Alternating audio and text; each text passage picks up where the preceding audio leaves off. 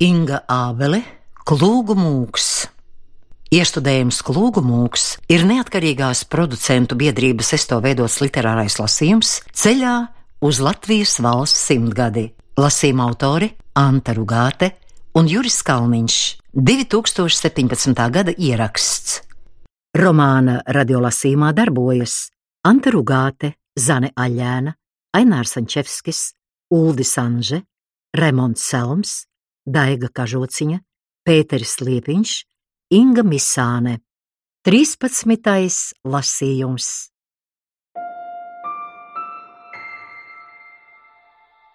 Marijas dzimšanas dienu vecāki svinēja 1896. gada 18. maijā.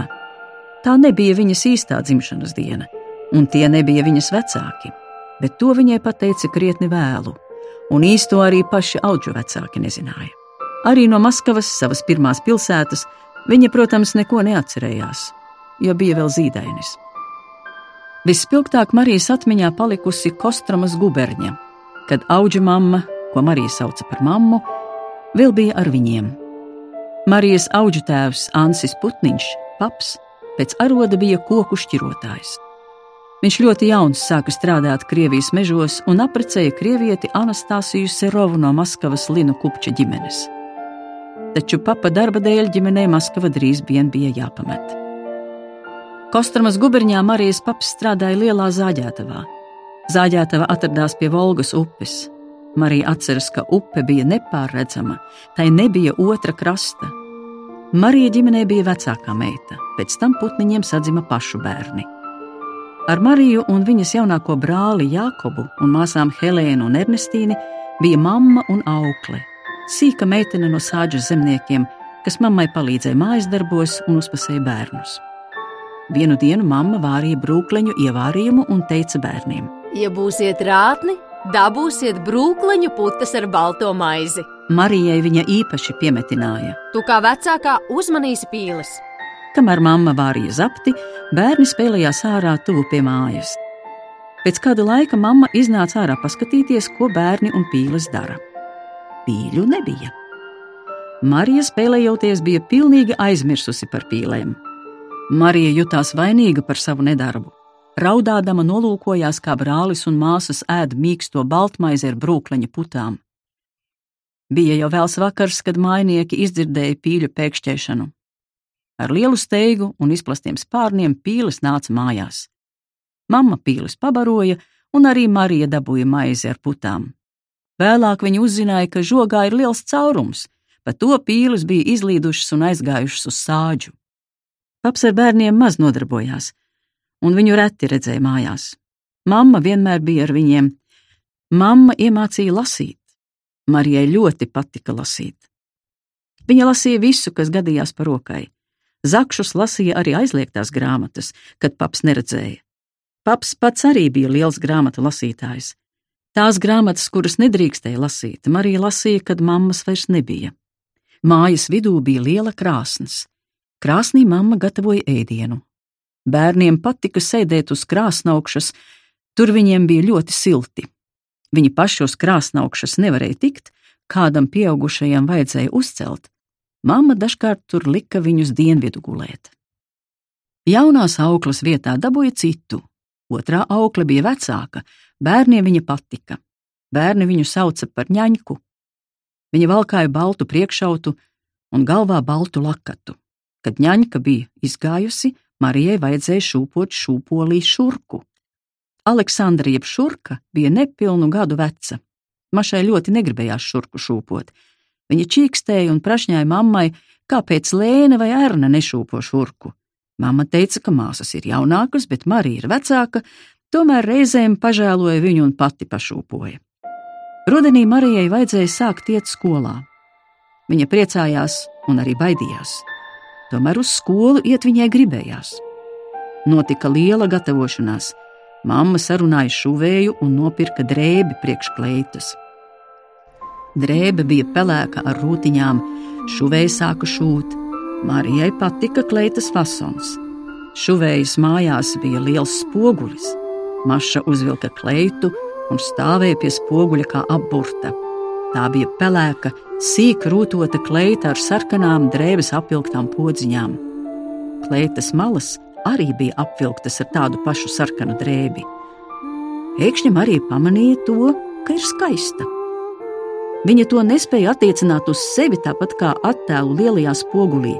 Vienkārši secināja, kā par tādu pazīstamu cilvēku. Meitene spogulī ir skaista. Pienāca diena, kad bija jāiet uz skolu. Maša bija drusku nobijusies. Mamma aizveda viņu uz skolu. Pa ceļam mamma stāstīja: Tu nebaidies, skolā tev būs daudz draugu. Mamma aprunājās ar skolotāju. Skolotāja bija ļoti laipna, Marija drīz nomierinājās. Kad bērnu vecāki aizgāja, skolotāji izdalīja bērniem katram desmit kociņus. Viņi sāka darboties ar kociņiem, skaitīja līdz desmit, lika kopā, dalīja un atņēma. Pirmā diena skolā ātri pagāja. Maša bija lepna no skolas pārnākot. Kad viņa jau labu laiku gāja skolā, sākās glītrakstīšanas stundas. Skolotāja pienāca pie sola un paņēma Marijas burtnīcu. Viņa nobijās, domāja, ka ir slikti rakstījusi un sekos aizrādījums. Tomēr nē, skolotāja viņu uzslavēja, rādīja burtnīcu visai klasei, kā jāvelk stabiņus. Viņa bija ļoti lepna, arī mamma mājās paslavēja. Skolā bija arī vingrošanas stundas. Marija atklāja, ka ir ļoti lokana. Visu, ko viņas biedri darīja ar lielu piepūli, Maša veica viegli kā smejoties. Taisīja špagatu, stāvēja bezdelīgā, atliecās tiltiņā. Ap lielā bērza zariem skolas pagalmā virpuļoja kā veidzirnaviņas. Pat puikas apbrīnoja viņu. Tā meitene laikam ir bez kauliem. Tajā gadā uz pavasara pusi mamma saslima ar plaušu karsoni. Mammai bija augsta temperatūra, sākās drudzis, viņa murgoja augām naktīm, Gultā cēlās stāvus, paps mammu lika gultā atpakaļ. Beidzot, mammu satina sagās un lakatos veda uz slimnīcu. Marija vēl mammai gribēja uzvilkt cimdu, bet nevarēja. Rokas bija krampjaini savilktas. Tā bija pēdējā reize, kad Marija redzēja mammu. Ap to pašu laiku papam vajadzēja pārcelties uz citu darba vietu. Marija neatceras, kā viņa tika līdz stacijai. Stacijā bija drūzma, daudz cilvēku. Bērni sēdēja stacijā uz saviem maisiem, kopā saspiedušies kā mazi kaķēni, un gaidīja papu, kurš kārtoja braukšanas biļetes. Viņa redzēja cilvēku kājas un tālu augšā bļaustīgas galvas ar atvērtām mutēm. Tomēr viņai šis brīdis atmiņā palicis bez skaņas. Pirmā viņa atkal sēdēja stacijā, Paps bija aizgājis sameklēt zirgu. Papam jau bija zināma nākamā apmešanās vieta. Viņš ātri bija atpakaļ ar pajūgu, bērnus ar paunām iepakoja ratos, un brauciens sākās. Viņi brauca pa trokšņānām ielām līdz kādai atsevišķai daudzstāvu mājai. Paps iegāja mājā, bērni palika viņu gaidot. Pēc brīža paps iznāca ar vienu vīrieti, vīrietis viņu ieveda sētā. Sēta bija liela, Vienā sētas stūrī bija maza mājiņa, tur viņi ievācās. Pēc pāris dienām paps brauca uz veco vietu apmeklēt mammu slimnīcā. Marija neatceras, cik ilgi paps bija projām. Pa to laiku bērnus uzraudzīja viena sieviete, Latviete. Kad paps atgriezās, viņš sasauca bērnus kopā. Ļoti mierīgi paziņoja, ka mamma slimnīcā mirusi. Marija sākumā nesaprata, ko paps saka, bet pēc brīža apjauta, ka mammas vairs nav. Lūpas sāka trīcēt, viņa sāka nevaldāmi raudāt. Jaunākās māsas šo bēdu ziņu nesaprata, tomēr sāka raudāt līdzi. Paps necieta raudāšanu, daudz raudāt viņa bērni nedrīkstēja. Marija raudāja gultā zem segas, kad paps neredzēja. Bet mammu Marija nekad neaizmirsa, tāpēc ka Marijas dzīve nebija viegla. Varbūt arī skaudības dēļ, par to, ka citām meitenēm bija mātes, kas viņas apmīļoja. Mariju neviens nekad vairs neapmīļoja. Ļoti agri viņa jutās pieaugusi. Mazās māsas apkārt čīkstēja vienā gabalā. Marijas pienākums bija par viņām rūpēties. Visvairāk viņa atceras šurku, Šurka vienmēr skraidīja apkārt ar slapju degunu. Slapjams piekalta pie vaigiem bija grūti nomazgājams. Marija dusmojās, ka viņai ar mazo jākrāmējas un kliedza. Ah, slapja abos galos! Marija jau bija pati vēl bērns. Viņai pašai gribējās spēlēties ar citām meitenēm. Paps nekad nebija mājās. Marija dusmojās arī uz viņu, ka viņš nerūpējas par saviem bērniem, bet to viņa nedrīkstēja izrādīt. Viņa reizēm nožēloja, ka tik slikti izturējās pret savu mazo māsu. Šurka bija maza meitenīte, kas bez mātes mīlestības aug pie tēva, un mazām māsām, kurām pašām vēl vajag māti. Marijai nebija nekādu siltu jūtu pret šurku.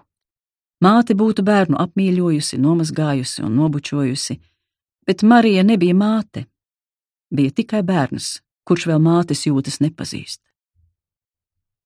Viņa neatminas, ka viņus ēdināja un apmazgāja, viņi auga savā vaļā bez uzraudzības, kā ielas bērni. Gāja, kur gribēja, paps par viņiem daudz neinteresējās. Brīnums, ka ar viņiem negadījās kas ļauns. Dievs bērnīšus sargāja. Un permas ielas bija domātas visiem. Permā bērniem iepatikās, jo lielās mājas saimniekam bija meita viņu vecumā.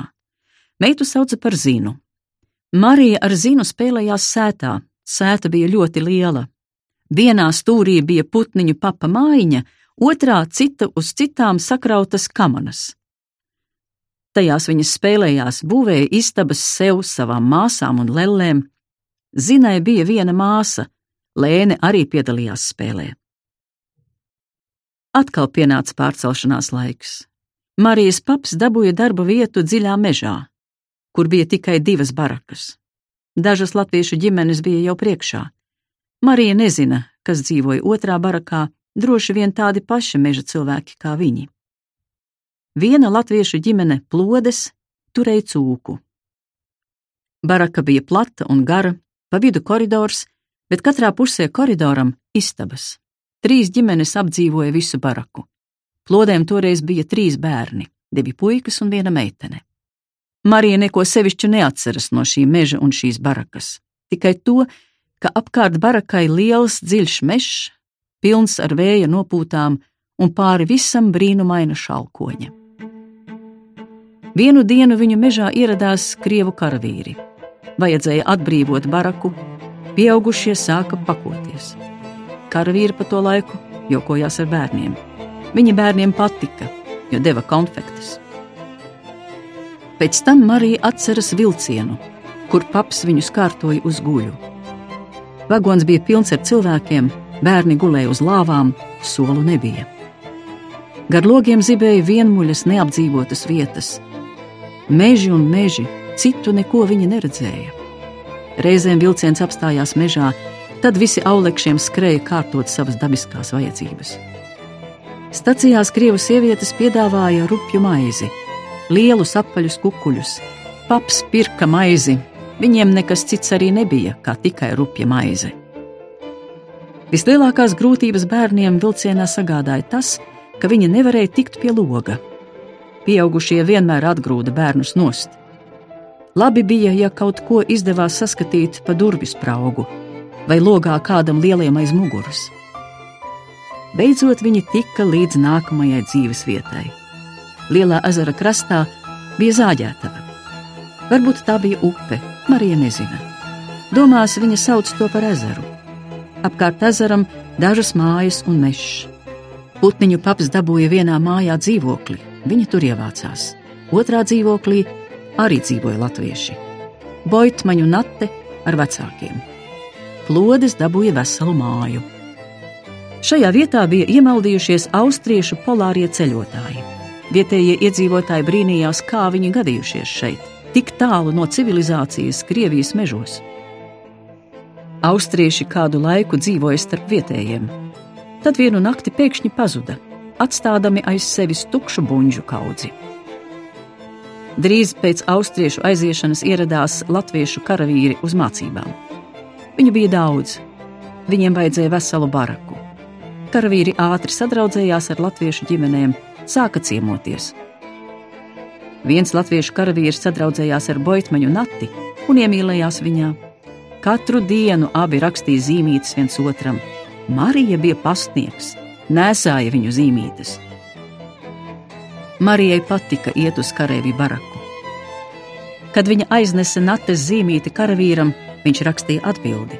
Pa to laiku citi karavīri jokojās ar mašu. Ņēma viņu klēpī kā mazu bērnu un cienāja ar konfektēm. Viņi smaržoja pēc sausiem ceļa putekļiem, saldas tabakas un mazliet sviedriem. Tā smaržoja paps, bet papu nedrīkstēja apskaut. Mašai nebija bail no karavīriem. Viņa jutās starp viņiem labi. Karavīri neko nedarīja, tikai klaiņoja pa ciemu. Izskatījās, ka viņa gaida uz kādu rīkojumu. Un tad vienu dienu sapakojās un bija prom. Marijai laikam visvairāk bija žēl viņu aiziešanas, viņu konfekšu. Arī Nate palika bez sava drauga. Kad karavīri aizgāja, Nate turpināja ar viņu sarakstīties. Pēkšņi sarakstīšanās pārtrūka, viņš vairs neatbildēja. Nate bez apstājas viņu meklēja Krievijā. Viss bija bez panākumiem. Karavīri aizgāja, viss palika klusu, tuvojās ziema. Paps teica bērniem, kā arī viņa drīz dosies projām. Ziema atnāca ātri, balta ziema ar daudz sniega. Upe aizsala. Marija joprojām nezināja, vai tā bija upe vai ezera līcis, kas aizsala. Viņa domās sauca to par Oņegas ezeru. Papam bija jāpārceļas uz Arhangelsku. Marija ar māsām un brāli pirmo reizi redzēja tik lielu pilsētu. Paps dabūja laivu, viņi cēlās pāri ūdenim uz kādu sāģu. Sāģā paps iekārtoja bērnus prāvā istabā ar pāris logiem. Tur viņi sēdēja caurām dienām ieslēgti. Plodes arī atbrauca uz Arhangelsku un dabūja piekalnē veselu baraku. Papu šajā sāģā maz redzēja. Vienmēr viņš bija aizņemts. Mājas saimnieki bija jauns pāris. Pret putniņu bērniem viņi izturējās labi, vienmēr jokojās. Vēlā rudenī laukos raka kartupeļus, saimnieci ņēma Mariju līdzi uz lauka, jo viņa jau bija liela. Saimniece uzdeva darbu - purināt zemi no kartupeļiem un tīrus likt grozā. Maša bija priecīga un lepna, ka ir jau darba cilvēks. Kad viņa pabeidza darbu, tad dabūja bļodiņu ar pienu. Pienā bija smalki sagriezta rupja maize. Maša nesa mājās māsām. Viņām šis ēdiens ļoti garšoja. Māsas auga bez uzraudzības pilnīgi savā vaļā. Ja papa nebija mājās, Marija tūliņ bija prom pie sāģes jauniešiem. Lēne turējās ar viņu kopā. Marija maisījās starp pieaugušajiem, vairāk starp krievu sievietēm. Kāri skatīja krāsainus lakatus, sārtas sejas, baltus zobus, kailus augumus pirtī, tirgus raibo murdoņu. Logus ar tamborētiem aizkariem, kūpošas atkritumu bedres, un garaiņus no teinīcu durvīm. Sievietes parasti nepievērsa pusauģiem lielu vērību. Maša klausījās, kā viņas runā. Dažkārt dzirdēja ko tādu, kas nebūtu jādzird. Viņas ar lēni labi izpētīja sāģu no viena gala līdz otram. Sāģa sastāvēja no divām māju rindām, starp mājām smilšains ceļš. Kājas grima līdz potītēm smiltīs. Katras mājas galā bija kūts ar mēslu kaudzi. Šajā pašā sāģā Marija sāka dziedāt baznīcā. Putniņu bērni pie baznīcas bija pieraduši. Mamma viņus bija ņēmusi ļoti mazus līdzi uz baznīcu, kad Marija neko no dievkalpojuma vēl nesaprata. Mašai patika vērot mācītāju spožo talāru un skatīties, kā viņš kustina kvēpekli. Mamma mēnesi pirms lieldienām vienmēr bija likusi gavēt. Neviens neēda gaļu un treknu sēdienus.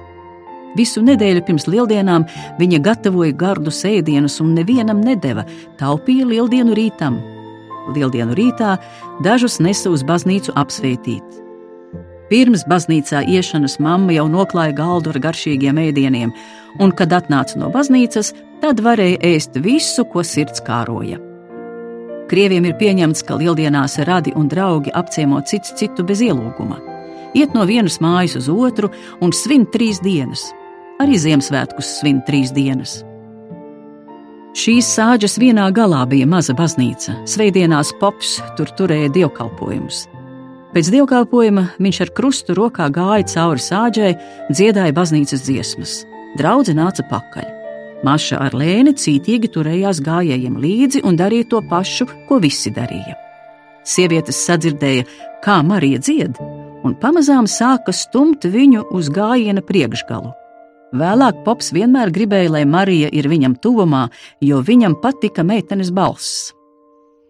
Tajās svētdienās, kad dievkalpojums notika baznīcā, Maša ar lēni tupēja uz ceļiem, krustījās, bučoja svētbildes un dziedāja.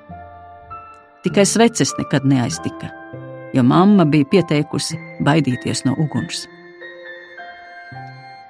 Un vēl tas nakts ugunsgrēks.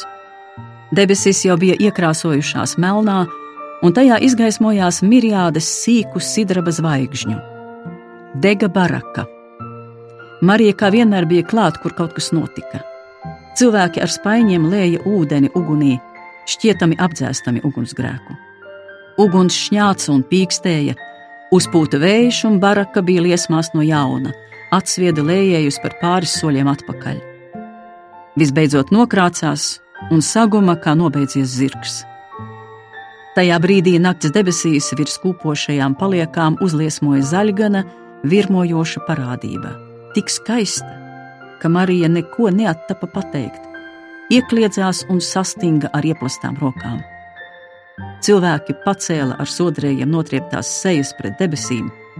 Aurora boreālis kāds iekļiedzās. Viņi nometa spaiņus un uz mirkli aizmirsa par savu sarežģīto dzīvi.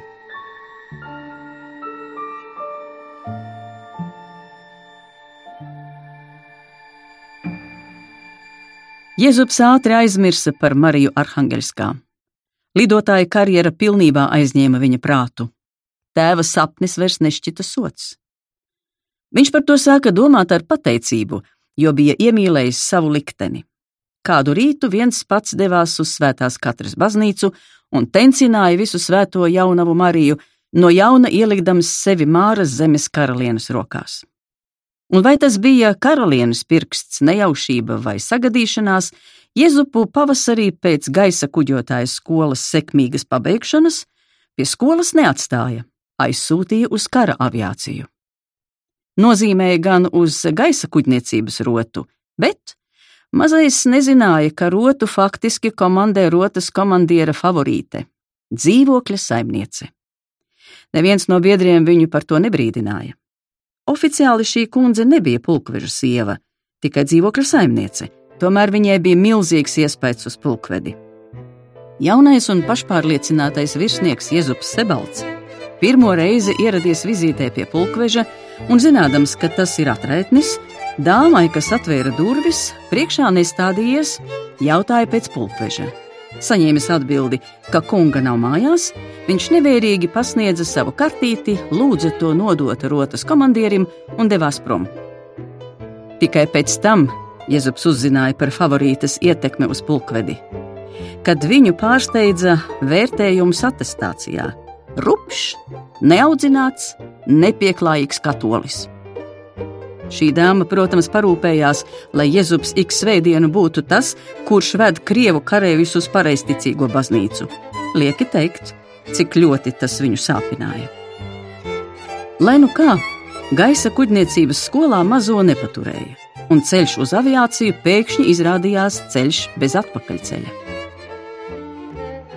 Ievērojot Iezupa Sebalda juniora labās teorētiskās zināšanas un izcilās lidotāja dotības, gaisa kuģniecības skola jau 1913. gadā viņu uzaicināja par lektoru, bet 1914. gadā iecēla par Krievu lidmašīnas Ilja Muromets komandiera palīgu mehāniķi.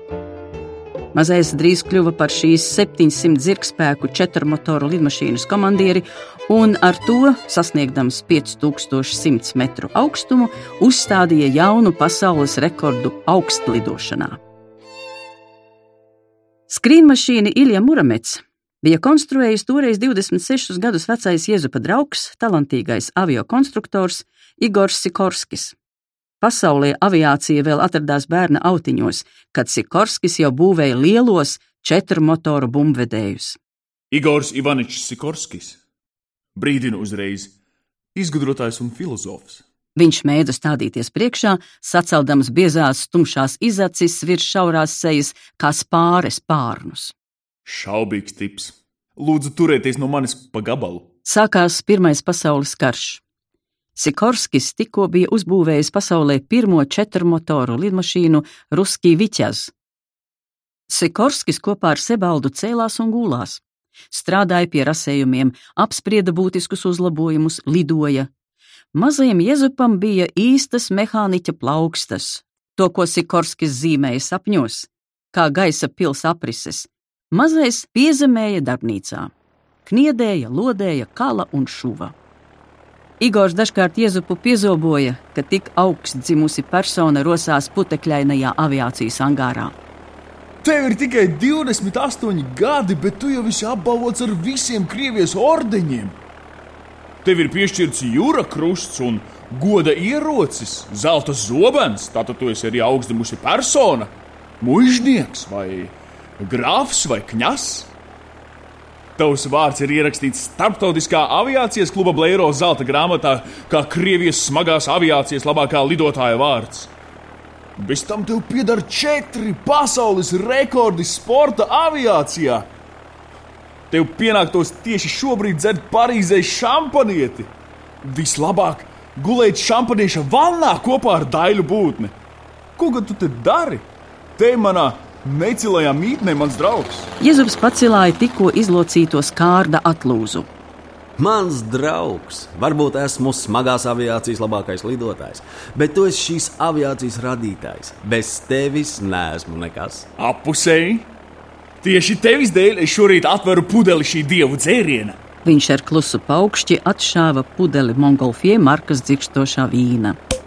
Zeltītajos rīta saules staros, kas piepildīja milzīgo angāru, uzliesmoja un kļuva caurspīdīgas līdz malām piepildītās šampanieša glāzes, tāpat kā skrīnmašīnas, lēnie mēmie silueti, kas nekustīgi stāvēja zāģu skaidām nokaisītajā manēžā, kā skrējienā sastinguši spārnoti zirgi. Abi draugi saskatījās pirms saskandināja. Kam par godu? Vai lidotājam katrs rīts, ko izdevies sagaidīt dzīvam, nav svētki? Es tev teikšu tā. Ja paceļoties tev apstājas motors, tad negriezies grīstē, bet laidies taisni lejā. Un tu ilgi dzīvosi zemes virsū.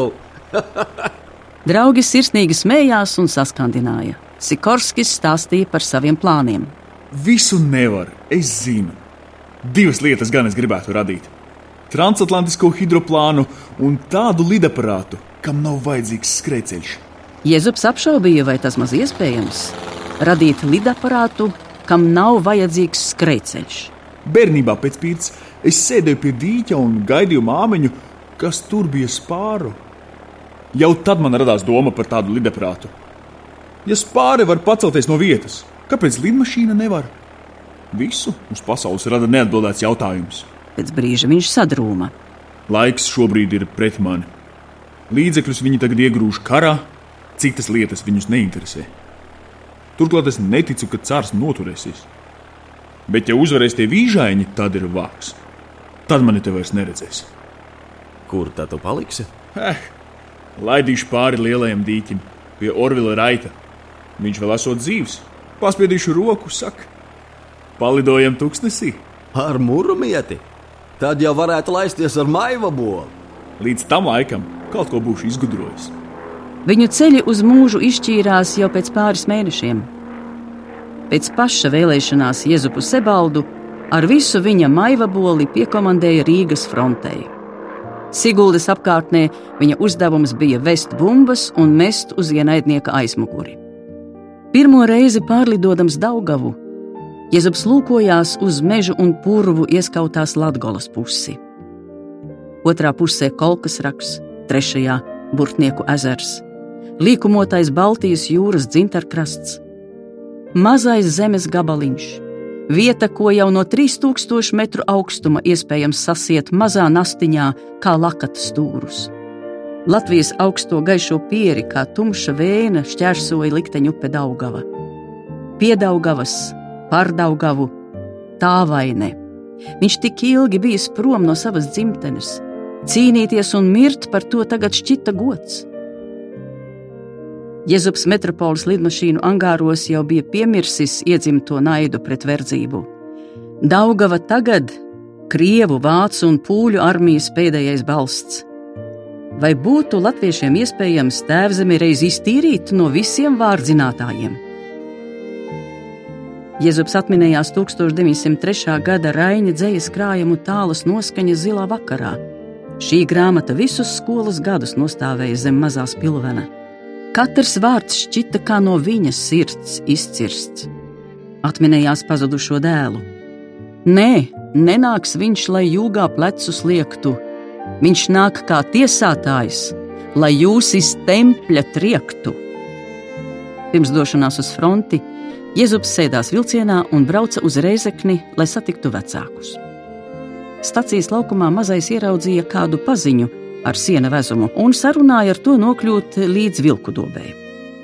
Sābris bija runātīgs, un kamēr aizjūgs čīkstēdams lēni līgoja pār pavasara palšu klāto māla ceļu, neapstādams stāstīja par pazīstamiem un nepazīstamiem cilvēkiem un notikumiem, izprašņāja Jēzupa par tā lidotāja gaitām, Jēzus atbildēja automātiski ar kļūdainu jā vai nē, pēc ilga laika atslēdzis prātu, bezdarbīgi žvangādams rokas gar ratu malu, ar visām maņām tverdams dzimtās zemes gaisu, skaņas, smilgu pieskārienus plaukstām.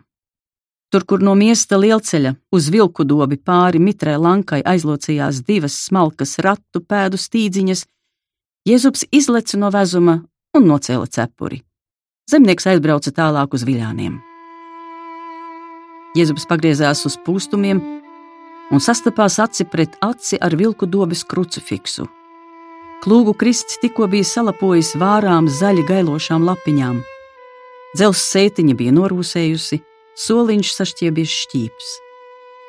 Pati mūka nokārusi spārnus, to cauraugušais kārklis sadzinis zemē spēcīgas saknes. Jēzus pārmeta krustu un nomurmināja lūgšanu. Klusībā jautādams sev, vai māte šogad vēl ir pie labas veselības, vai nāks šeit dziedāt māja vakaros diamātei par godu. Viņš pavēra mežģīņotos krucifiksa vārtiņus un lēni noslīga zemē. Gaisi bija maigi un mīlīgi, kā mātes plauksta pār pakausi. Mazajam saskrēja asaras acīs kā belziena mugurā dabūjas, viņš noklupa klūgu mūkas priekšā, iekodās ar kaislu skūpstu putekļos. Viņš skūpstīja oļus, melnzemi, smiltis un vītola saknes. Pēkšņi apjautis, ka ir dzimtenē. Raudādams atlaida no sevis ilgi aizturētu sasprindzinājumu, Jutās kā tāds, kurš gadiem bijis spiests blandīties padebešu kristālā bez jušanas, un nu pēkšņi nokļuvis uz zemes, kur ir smaržas, krāsas un silta, nesteidzīga māla miesas žļurkstēšana, kad apara pavasara saulītē rūkdama un runādamās ar baltām mākoņu aitiņām žūst. Dvēselē bija plīsis un laidies vaļā kāds karsts olūts, sagādādams Jēzupam spēcīgu orgasmu. Karavīrs raudāja pilnā balsī kā mazs bērns, kamiešus drebinādams, siekalas un asaras zemē tecinādams, zemi plosīdams ar pirkstiem un lauzdams kā maizi. Visbeidzot viņš nokoda no ložņu kārkla saknes mizas strēmeli un iebāza to mutē. Saldi rūktā dzimtenes garša. Mizu sūkādams un žagodamies pēc lielā raudājuma, Jēzus apvēlās uz muguras un palika guļam krista pakājiet tukšs un pats, savu dvēseli atguvis, skatīdamies debesu tīrainē. Vējam atkal bija tūkstoši pirkstu, ceļi balti putēja, saule sildīja, zari šalca. Jēzus sebalts bija dzīvs, aleluja! Par ko viņš bija raudājis, to gan neizprata. Vai par to, ka viņiem visiem reiz būs jāmirst? tēvam, mātei un viņam pašam. Viņš to kādreiz bija apjautis te, pie dzimtā klūgu krista. Vai par to, ka jau rīt jādodas uz fronti, vai par to, ka viņš nonāvēs, vai arī viņu nonāvēs? Gluži vienalga, kuru nonāvēs, bet zeme reiz nāks un no visiem ņems savu tiesu. Tik reāls būs smilšu smagais pieskāriens augumam kapa dziļumos, un saknes sprēgādamas sprauksies cauri krūšu kurvim kā ložņu kārkls šai te mūkai. Vai varbūt Jēzus bija apraudājis sevi mazu, nu tādu, kāds viņš te reiz pusaizmidzis šūpojās tēvam ratos, vai pussnaudā klanījās pasedļa priekšā uz zirga, dodamies ecēt jau mazos gados. Tas Jēzus bija miris, bet šis dzimis, prombūtne, bija izdzinusi dziļu vagu starp to kādreizējo puiku un šodienas vīrieti, tikpat dziļu un stāvu kā rieva starp izacīm Jēzupa pierē. Pēc brīža klūgu mūka deva atbildi. Gar lielceļu skrēja vušku gans. Gadus septiņus vecs puišelis uzmanīja savu ganāmpulku. Vuškas skrēja teciņus pa pļavu kā izklaidus mākuļi, raudamas ar tumša samta purniem pirmos zāles stiebrus. Gans atpalika, acis iepletis lūkojās uz karavīru, kas dubļiem nosmērējies gulēja pie klūgu mūkas. Jēzus viņam uzsmaidīja un pamāja ar roku. Ja laiku savilktu čupā kā garmanis plēšas. Varbūt viņš pats būtu tas bērns, kas tagad iesmējies, nobijās no sevis paša, pieauguša vīrieša un aizskrēja mazs un jautrs zem cīruļa dziesmas. Prieks tāda bija krucifiksa atbilde uz Jēzupa jautājumu. Dodies uz kauju ar prieku un mīli savu pretinieku, tad debesis tev būs labvēlīgas, lai kāds būtu iznākums. Gala mērķis ir dieva rokā, bet ceļš pieder tev. Jēzus cēlās un gāja uz vilku dobi.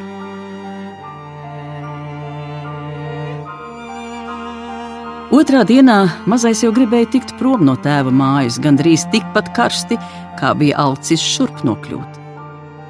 Pirmais bija apkārtnes mazums. Vai burvis tēva sētā visu samazinājis? Viņa atmiņā dzimtene bija saistījusies ar plašumu. Bezdelīgas un svīrestis velpdamas augstumos bija staigājušas. Cik tālu no pedeļu augura pāri kara silam varēja redzēt, cik augsta bija tēva istaba un stalti kārmi un saldais ķirsis malkas pūņa galā. Kā tur labi varēja sēdēt spēcīgā rītu vējā un iztēloties, kas skraida pa gaisu. Tagad Sēta atgādināja no klūgām skaidienā saveltu truša butku, bet ķirsis bija vecs un aplūzis. Guļbaļķu istabiņa vecās rīs vietā, kā karceris viņu karaskolā. Klāvs, pūne, guļbinīgs, apiņu dārziņš, pāris ābeļu un pirtiņa gravas malā. Tas arī viss mazumiņš. Tēvs ar māti rokas lūkšanās salikuši staigāja viņam pakaļ kā svētbildēji. Viņa nespēja noticēt, ka pēkšņi ne no tā viņu vienīgais dēls ir pārnācis mājās. Tikpat labi tur varētu staigāt klūgu mūka. Māte metās sildīt svētku ēdienu, Jēzupa iemīļotās tupeņu desas, kas viņam bērnībā tik ļoti garšoja. Arī tagad pārītis glabājās uzkārts dzelzs āķos pie pagraba sijas. Tās bija gatavotas no cūku zarnās sapildītiem rupji rīvētiem kartupeļiem, smalki sagriezta cauraudzīša, ķiplokiem, sīpoliem, ķimenēm, sāls pipariem un sagruzdinātām cūku vēdertauku švirkām pēcāk nokūpinātas melnajā pirtī. Ar krējumu mēli varēja norīt. Mazais metās ēst, paslepeni vērodams rievas mātes vaigā un sirmumu tēva matos Abu saliektās muguras virs ādas izlīdušās reliefās dzīslas un mezglēnās locītavas. Dzīvodami lielā nošķirtībā un iztikdami viens ar otru visu mūžu, viņi bija kļuvuši stipri līdzīgi, tikai Marcela sarāvusies sīksta kā cīpsla, bet vecais Jēzus uzblīdis un kļuvis lēnīgs. Vecāku gavilis apdzisa, kad Jēzus pavēstīja, ka jau rīt jādodas atpakaļ uz fronti. Ja jau Dievs tā grib, tad mums nekas cits neatliek, kā tevi svētīt. Mēs ar tēvu gribējām, tēvs, kur tas puikas laimes krekliņš? Ar vienas prasa tēvam, lai sameklē, to vajag glabāt klāt. Tad nekāda ļaunība negadīsies. Tēvs vainīgi krekšķināja. Viņš tā arī nespēja atcerēties, kur noglabājis aploksni, kurā dievs pasniedza dēlu dzemdinātājiem. To gan viņš atcerējās, ka tas bijis pārlocīts un ar prievīti pārsiets tāds kā čūskādas vīstoklītis. Jēzus neņēma ļaunā.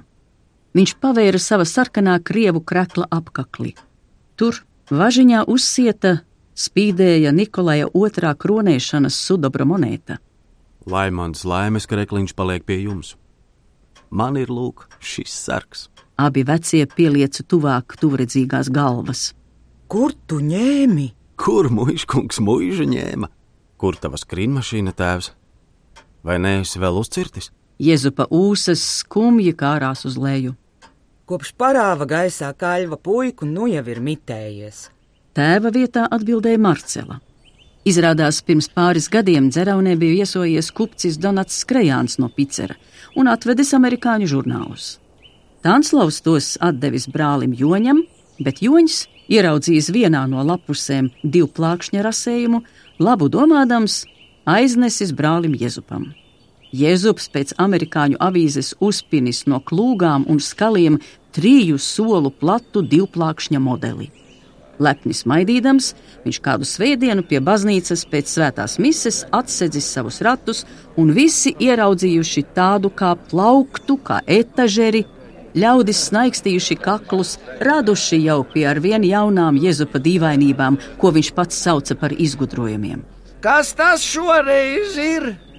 Izskatās pēc apgāztas ambonas, čurpaveri. Minēja vecais cara zaldāts zelta rublis.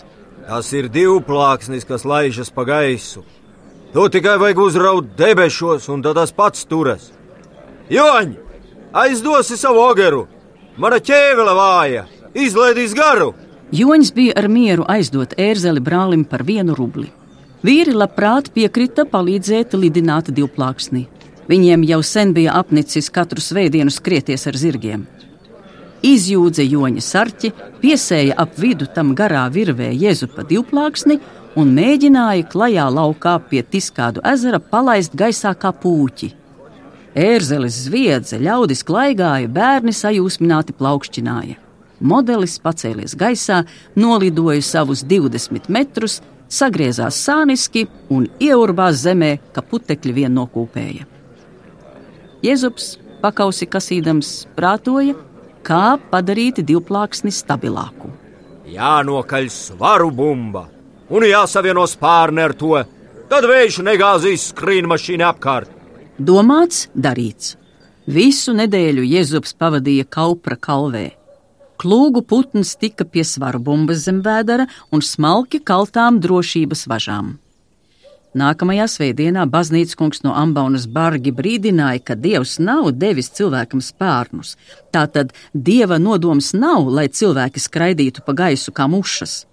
Draudze dzirdēja, bet neklausījās. Ļaudis mīņājās nepacietībā, kā govis dunduru laikā gaidīdami mises beigas, kad varēs laist gaisā vecā Jezupa vertoprahu. Lieki teikt, ka dievnamā valdošā sajūsma uz dievkalpojuma beigām bija pārņēmusi arī garīgo tēvu, un tas līdzi citiem sutanas spārnus pieturēdams bija aizcilpojis pāri rasotajam lukstam, kur stāvēja divplāksnim piejūgtais ērzelis. Jēzus pieteicis kalēja septiņus gadus vecajam puikam turēt skrīnmašīnu, lai vējš neapgāž, pats uzleca mugurā sarķim un uzdeva tam pa krustiem ar vītola vicu. Risaks skrēja taisnu asti, klūgu putns cēlās gaisā, bet kalēja puika nes kādēļ tam cieši pieķēries un uzgājis debesīs rūkdams. Viņš paskatījās apkārt un iekļiedzies, taču ne aiz bailēm, bet aiz debesšķīgas lapatikas. Tā vismaz vēlāk apgalvoja Marcela. Ļaudis apklusuši. Arī vecais Jēzus, rikšodams pa nokalni zirga mugurā, atgāzis galvu un skatījies virs sevis uz gaisā uzrauto zēnu. Bijis pats pusdienlaiks, un viņš redzējis, kā siltais gaiss ap lidaparātu dreb. Nezinādams, cik ilgi puikam pietiks spēka turēties, Jēzus rikšojas un prātojas, ko lai iesāk. Lanka bijusi plaša un līdzena. kā par spīti tuvumā neviena krūmiņa, kur divplāksni varētu droši piezemēt. Tad viņam prātā iešāvusies laba doma. Ieslīpi vadījies zirgu iekšā ezerā. Līdz zirgas kaustam iejājas un apstājies, sācis lēni vilkt aiz virves. Modelis viegli ielaidies ūdenī pāris pēdu priekšā zirgam. Jēzus puiku noķēris lidojumā aiz kājām un iznesis krastā. Puikas smējies vien, bet tēvs grasījies pērt. Bāls kā krīts, smaidīgs un laimīgs par puikas izglābšanos, Jēzus turpat baznīcā visu priekšā devis solījumu vairs ar skrīnu mašīnēm nekrāmēties. Pēc tam gan attapies, ko apsolījis, bet vairs nekā. Gājis pie ezera, lūkojies ūdeņos, kas aprijuši viņa klūgu putnu ar visu svaru bumbu. Nopinkšķējos un gana. Vecais Jēzus nopietni teica jaunajam: Lido tik tu, man jau drīz pie dieva jālaižas. Noklausījies savādo stāstu, Jēzus noskūpstīja tēvu uz abiem vaigiem. No mātes paņēma kurvi ar tajā sakrāmētām guļbu desām, bez kurām vecāki viņu no sētas neizlaida, un devās no pasakas atpakaļ dzīvē. Dēliņ, nedari pāri zeldātiņam. Jēzus atskatījās. Bija tā savādi ap sirdi. Ja no tās ir atvadas, Viņš nodomāja.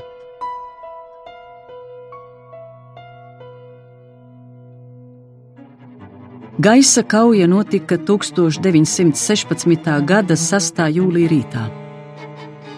Ilja Muramets Kijevskij bija sagatavots lidojumam uz ienaidnieka aizmuguri.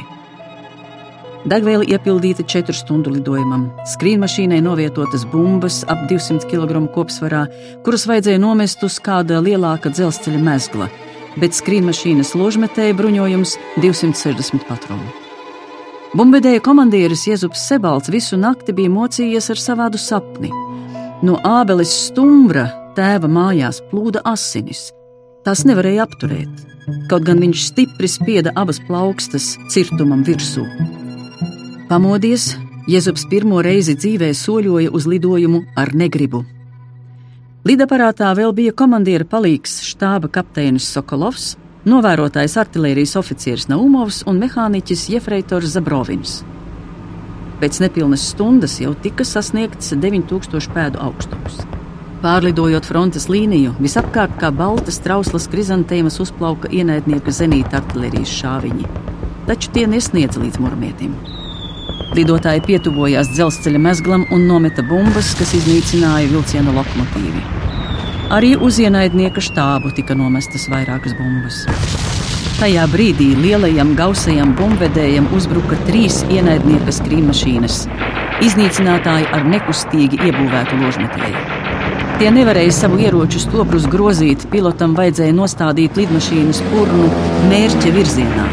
Muramiešu novērotājs notēmēja ar ložmetēju un nogāza vienu no uzbrucējiem. Atlikušās divas lidmašīnas sašāva benzīna tvertnes muramieša spārnos un apklusināja ložmetēju, ievainodamas artērijas oficieri Naumovu plecā. Atdevis stūri komandieru palīgam, lai ievilktu atpakaļ sēdeklī bezsamaņā esošo novērotāju, un nosmērējies ar koši sarkanajām asinīm, kas izplūda no Naumova kakla, mazais Jēzus lūkojās uz mehāniķa Zabrovinu, kurš gatavojās izkāpt uz spārna. Šis mirklis, kā dīvainā naudā, šķita mūžību garš.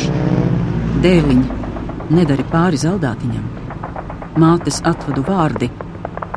Tad zipšņa ātrumā doma, Jefreitors Zabrovins taču tik jauns. Liekas, vēl nesen Jēzus bija dejojis Mihaila Iļiča kāzās, tagad jaunā sieviņa ar lielu vēderu staigā. Miška ar lepno bija rādījis bildi, bet kas viņa paša, Jēzupa dzīvē? Salts, aizvien šerminošāks tukšums krūtīs, virs kurām kādas meitenes dāvātais medaļons, vaidu sviedros jau sen nosūbējis melns. Dēliņa, nedari pāri zaudātajiem. Nākamā loža šalts ķēra Jēzupu plecā. Sāpju satracināts, viņš pielēca kājās, atrāva Zabrovinu atpakaļ un pats izlīda uz muramieša spārna, kur no benzīna tvertnēm izplūda benzīns. Kamēr Zabrovins steidzās pārsiet ievainoto Naumovu, Sebalts ar plaukstām mēģināja aizturēt benzīna izplūšanu. Abi ienaidnieki turpināja apšaudīt. Muramietis vairs atradās tikai 3000 pēdu augstumā. Kad ložu un granātu šķembu sašķaidīti, apstājās abi pārējie motori. Jēzus atgriezās lidmašīnā, nosaldējis abu roku plaukstas. Skrīnmašīna strauji zaudēja augstumu, vairs tikai 2000 pēdu augstumā pārlidoja frontes līniju un iestiga slapjā pļavā, salaužot skrietulis. Komanda izleca no bumvedēja un atkāpās nesot sev līdzi bezsamaņā esošo novērotāju. Viņi lūkojās uz ložu sacaurumoto lidmašīnas korpusu. Vien brīnums bija paglābis no sadegšanas gaisā. Oficieris bija ievainots vairākās vietās - kājās, galvā, vēderā un krūtīs. Pārējie bija ievainoti mazāk bīstami. Nikolaja kronēšanas sudabra medaļa bija paglābusi mazo no nāves. Ārsts parādīja tajā lodes pēdas, Dārgmetāls vidū bija nokūpējis un izliecies. Tomēr Jēzus par to nec priecājās, nec skuma. Viņam amputēja plaukstas. Pēc izārstēšanās visi, izņemot Jēzupu, varēja turpināt lidotāja gaitas. Jēzus neatgriezās savā daļā. Neatgriezās arī tēva mājās.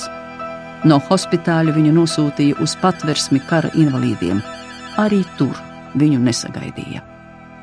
Līdz ar plaukstām Jēzus bija zaudējis spēju lidot, tā tad arī dzīves jēgu. Viņam vairs nevajadzēja taupīties. Naktis viņš pārlaida uz zemes kā klaidonis, bet dienās sēdēja pie baznīcām, visvienalga kādas konfesijas. Cepuri priekšā nolicis, acis aizvēris un šaltīm neatverdams, viņš šķita nokaltis koka stumbenis.